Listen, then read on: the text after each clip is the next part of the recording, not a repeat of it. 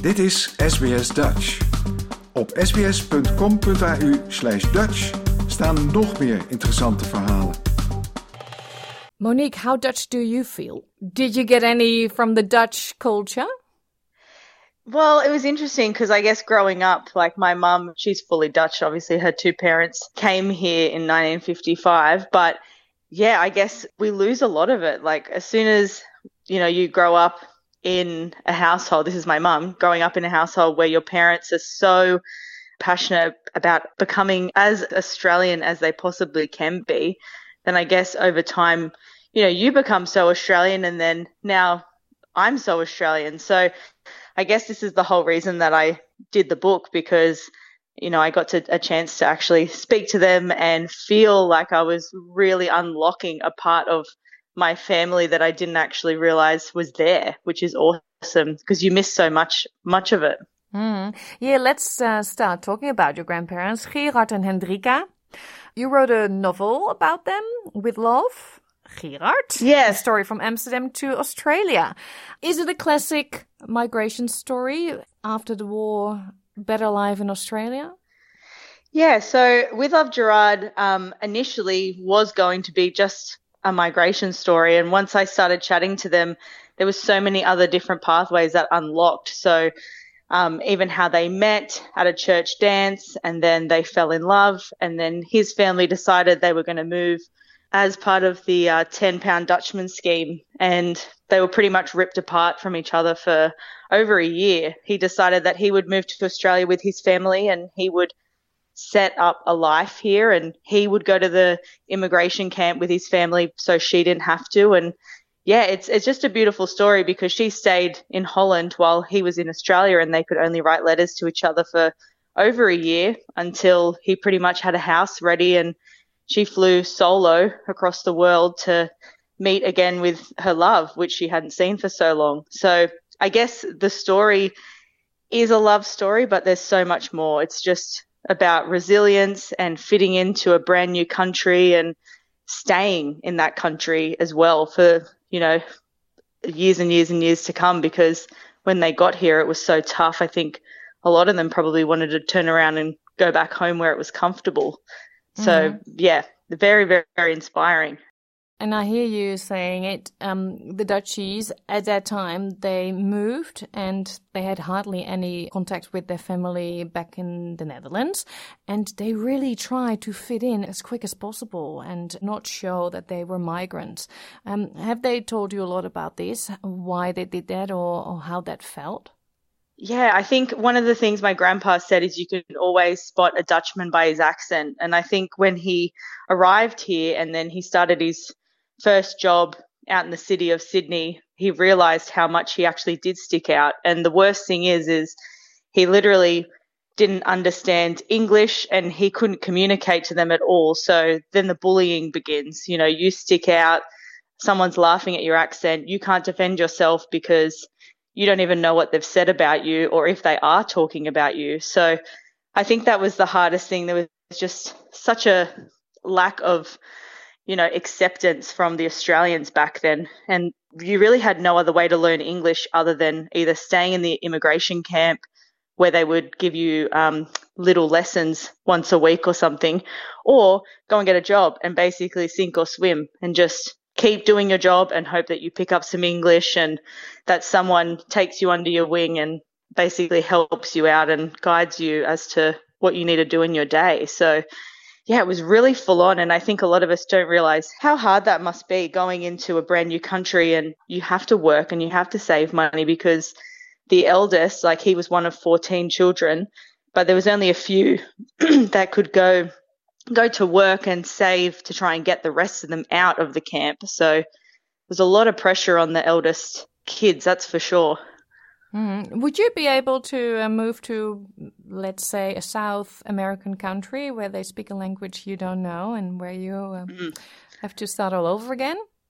Exactly what I was thinking while I was writing this book because it is so hard. You know, when I grew up in Australia, I think, oh, yeah, you know, English is so easy because that's what I'm used to. But English is one of the hardest languages to learn ever. So if I did the same thing, what you just said, and go to South America and just plant myself in a suburb and off you go, go and get a job, go and communicate. People are rude. They don't understand why you're here. You stick it out. Um, yeah, there's so many things that you have to face. And then you've still got to put a smile on your face and go back to your mum and dad and say, you know, I'm doing a good job. I'm earning some money and, you know, we'll be out of this camp in no time. So trying to keep the spirits high is almost impossible when you're out there facing the bullying all the time. Hmm, yeah. I've spoken to uh, many Dutch migrants with similar stories. What made you decide to write a book about this? Well, it's interesting because I grew up always writing and I always wanted to work for a newspaper and talk to people about different stories and I just loved getting to know the community around me. And then, yeah, I think one day I just was visiting my grandma and grandpa, and I thought to myself, you know, there's an amazing story right in front of me. And the rest of my family are not writers. So I think, you know, it's easy to go for a cup of coffee and just listen to all the stories of the war and then the hardships of moving to Australia and, you know, all the challenges they've overcome. And it's awesome. And you say, how good's this? And they're still so happy and in love and they still live in the same little house that they built. Like everything's so joyful in their world that I think you listen to the stories and you go, oh, awesome. But then you go home and you forget about it and no one ever really talks about it until next time you have a family gathering. So when I was there, I literally was listening and thinking, this would be an amazing book to share although there are parts of the story, you know, it's still inspired by my grandparents. So it's not word for word facts. I've made, you know, this beautiful story come to life with stories that they've shared and I've kind of put the puzzle together to make this beautiful book. And yeah, it's just, it's just so fun now. Like my grandpa reads it and he's here, he's 90 and he's reading it and he's thinking, you know, wow, this is, this is my life in a book. And all these cute little stories or naughty things that he got up to post war and then here in Australia they're all written down and yeah it's just such a family legacy now like everyone can read it and everyone can know kind of what they came from and who we are as a big family and my children as well can read it and think wow like they're just such resilient people we don't live like that anymore Mm, yeah, and you're saying that he's reading it as we speak, and he thinks, "Wow!" about his own story. That is funny. Um, but was he straight away very happy to cooperate, or was he thinking like, "Monique, what are you talking? A book about my life? That's silly." Oh, for sure. It took me four years to write, and I think for at least two and a half years of that, he just thought I was you know, having a joke. Like I ring him and we'd talk and I'd record him. And yeah, I think it's very overwhelming when someone turns around, your you know your granddaughter says, "I'm going to write write your story so everybody can you know read it for years and years and years beyond." And yeah, I think you know he's he's just so humble, so he just kind of have a laugh and go, "Okay, well, you know, what do you want to know? Give me the questions." And then I'd give him all these questions, and you know, one question would lead to another story, to another story, and it was awesome. It was kind of just like every time I opened the box, I never knew what he was going to say because all these stories that come out are just so shocking, you know, what they would eat and how they would even try and dry their washing, but it would be just so cold and wet in Amsterdam. So they were always wearing damp clothes. So things you don't even think of and you think, wow, imagine going to work every day with damp clothes in Amsterdam or living off potato skins and tulip bulbs. Everything's just so minimal. And, you know, he was one of 14 children. So, yeah, it's just everything's so fascinating when I talk to him, which is awesome because, you know, it's obviously brought us so close as well, which is lovely.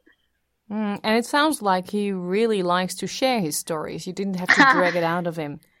No, and his memory is fantastic you know, when you're talking and you think, okay, well, talk to me about just after the war or talk to me about what it felt like arriving in Australia and things like that. He's so sharp. It's like, yep, okay, let's go back there, let's live it.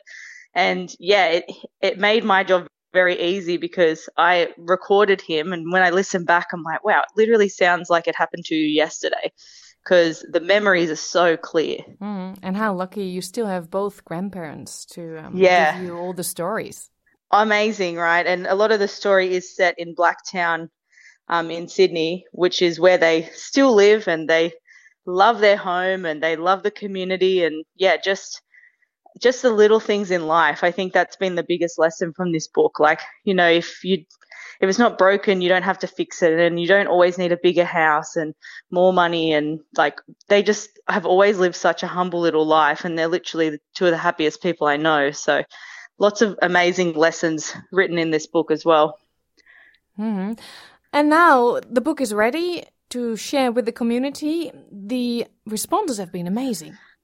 Yeah, I think um, when I first put it out there, you know, I not that I think they're the only two that you know migrated here, but I think when I put it out to the community and I'm getting the most amazing stories back, like through email or messages, and people are saying, you know, that's exactly what happened to my grandparents, or my mum and dad came the like to Australia in the 1950s aboard the JVO as well, and like this is their story, and yeah, I think that's been the coolest thing. I've just kind of done this on my own accord, and now that I'm sharing the story, people are resonating with it so beautifully that it's taking them back to a time and you know appreciating where they came from and what their grandparents or parents did and yeah i think that's it's just so special to now see that this is not just about my family this is like there's almost identical stories out there from other families mm. which they'll probably read the book and think this is exactly what my parents did and you know same camp or same suburb so yeah, it's just connecting so many people. Mm-hmm. Yeah. And I believe it's very important to tell these stories because soon the generation is gone and we can't hear them anymore.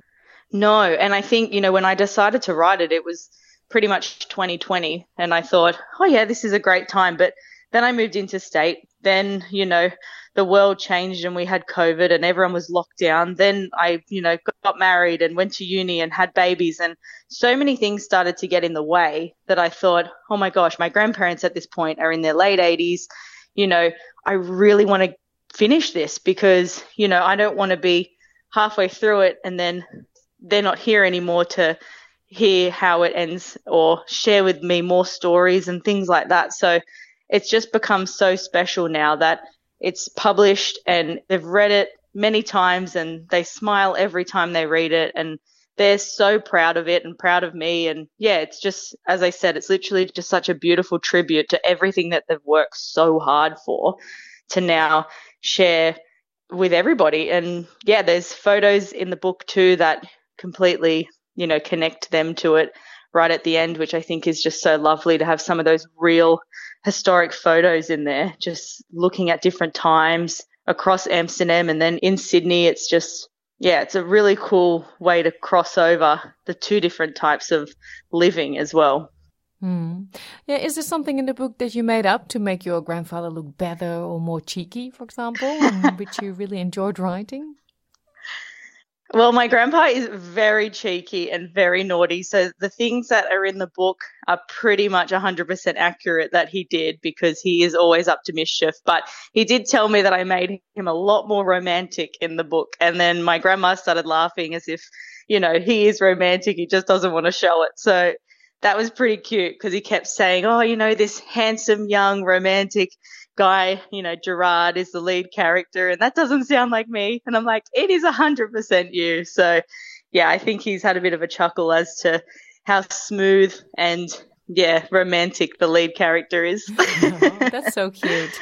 And it's so nice to hear your grandparents are still so happy together and oh, living the so best life. Happy. Yeah, exactly right. And that's the thing, like, you know, their relationship is just something to absolutely be inspired by. You know, they've been through how many obstacles in life and again didn't see each other for over a year and could only write letters and yeah they're just still so in love and so happy and yeah it's just it's just like the ultimate love story really you know when you look at them you think i, I want that one day like it's just awesome Mm. Well, with your permission, we're going to share a photo of you with your grandparents on our website so people can yeah, nice. see Gerard and Hendrika and Monique. and um, well done. Oh, thank you so much. Yeah, I think you'll you'll love it, and I've made it really nice and funny and light-hearted and an easy read because I just kind of wanted to make sure that everyone could pick it up and enjoy it. You know, it's not hardcore facts. It's literally just an enjoyable story that anybody can read and enjoy and share with people around them. So, yeah, I hope you love it. Wil je nog meer soortgelijke verhalen? Luister via Apple Podcasts, Google Podcasts, Spotify of waar je je podcasts dan ook vandaan haalt.